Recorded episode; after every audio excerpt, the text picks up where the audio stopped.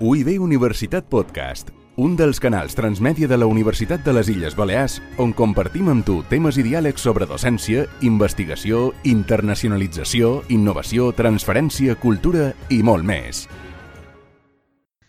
Tot seguit es posa la seva experiència docent la professora Maria Sart, pertany al Departament d'Economia Aplicada i du per títol Seguiment de l'assoliment de la competència en parlar en públic.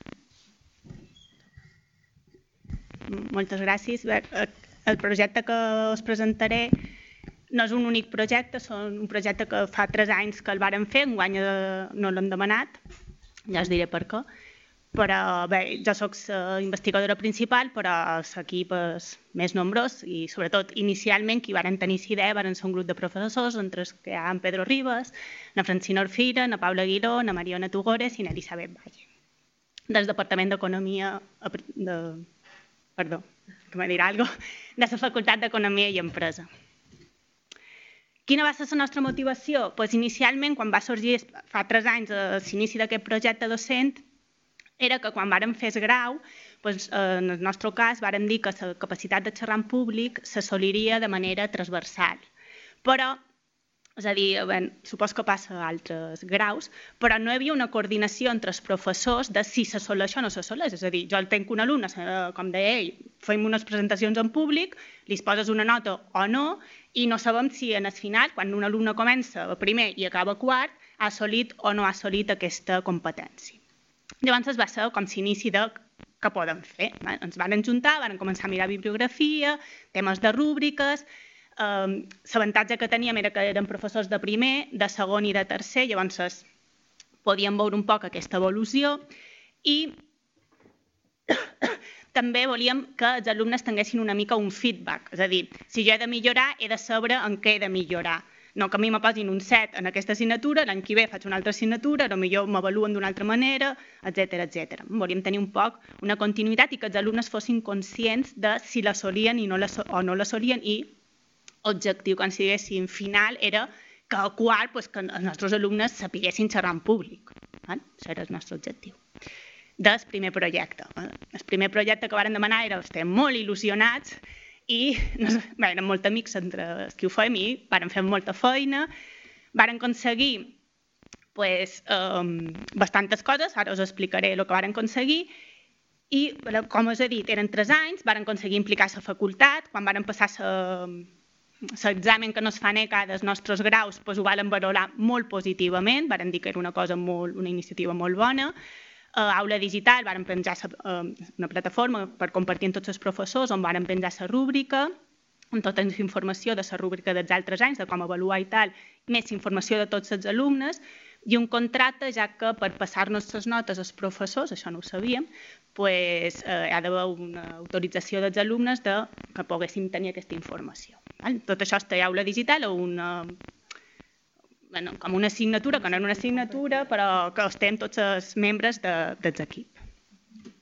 Què varen fer? Pues, el primer problema que varen tenir era quina rúbrica fèiem, com la fèiem, si la fèiem més extensa, menys extensa, havia professors que quan feien les avaluacions en públic perdó, quan feien les presentacions en públic era una part de la nota, altres simplement doncs, li donaven una valoració. Al final el que vàrem intentar és fer uns ítems en els quals més o menys tots se'n sentien còmodes i després també doncs, posar una, una qualificació numèrica. Mm? Perquè doncs, la gent que millor doncs, en 10 minuts havia de valorar molts estudiants, doncs, era més senzill. Uh, jo sóc més de donar un feedback de pues, algunes expressions. És a dir, si me posen un 4, a vegades no sé si aquest 4 és perquè té, pues, jo què sé, per exemple, en contacte visual, pues, la gent sol mirar els apunts, cap a dalt, cap a baix, pues, si tenen aquest tipus de deficiència, a mi m'és més senzill veure, de, bé, pues, mira molt per amunt, o no hi ha contacte amb el públic, etc etc, que no que posin un 4. Val? Però bueno, això va quedar un poc lliure i hi havia professors que posaven una nota numèrica més uns comentaris, hi havia professors que només posaven una nota numèrica. Però el que sí que varen fer és aquesta rúbrica que varen compartir entre tots els professors. Evidentment, aquesta rúbrica també està a disposició dels alumnes prèviament a totes les parts que fèiem avaluacions en públic, on ells tenien pues, el que era una bona valoració i una mala valoració. Mm? de manera molt esquemàtica. És a dir, tot això se podia haver fet molt més extens, però vàrem decidir que fos uns i temps fonamentals i que els alumnes tinguessin clar el que se valorava cada un dels punts. Aquesta rúbrica la varen fer, la varen compartir.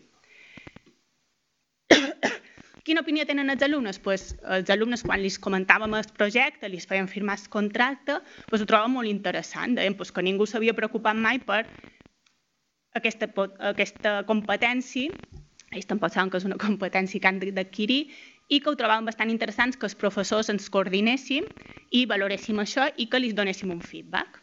Llavors, com a els alumnes, la percepció va ser bona.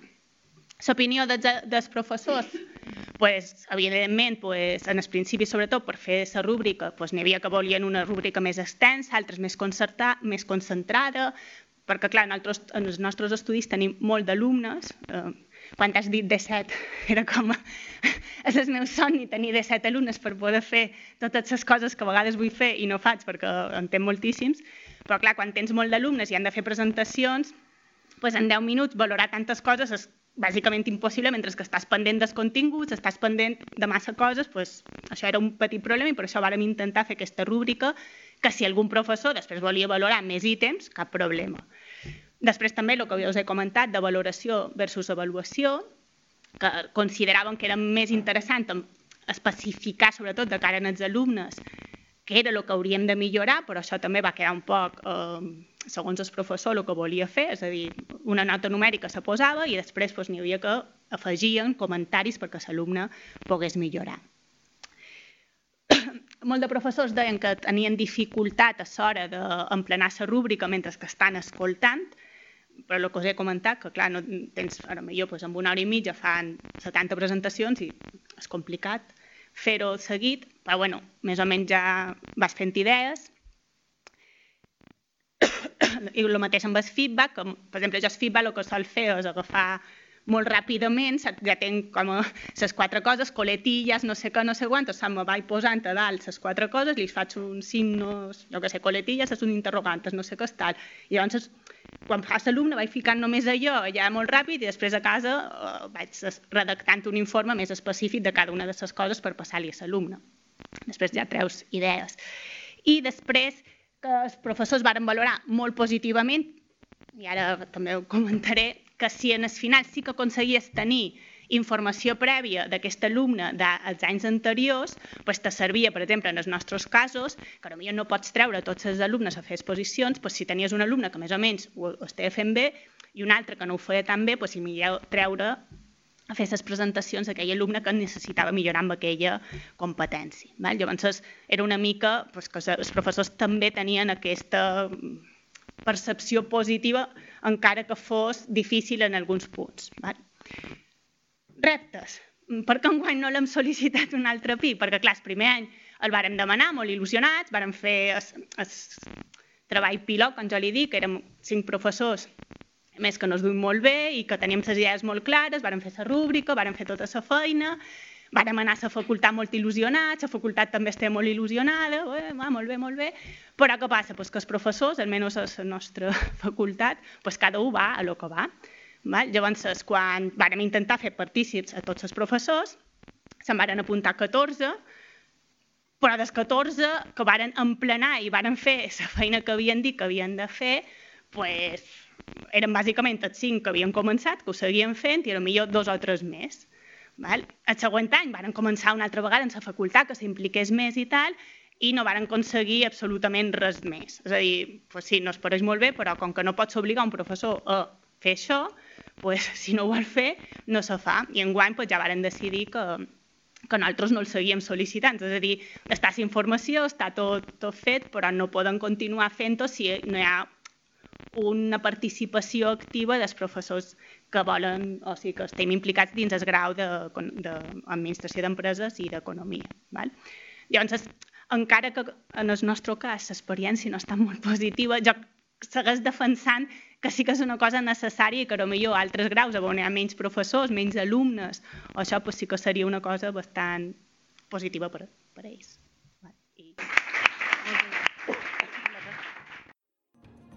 UIB Universitat Podcast, un dels canals transmèdia de la Universitat de les Illes Balears on compartim amb tu temes i diàlegs sobre docència, investigació, internacionalització, innovació, transferència, cultura i molt més.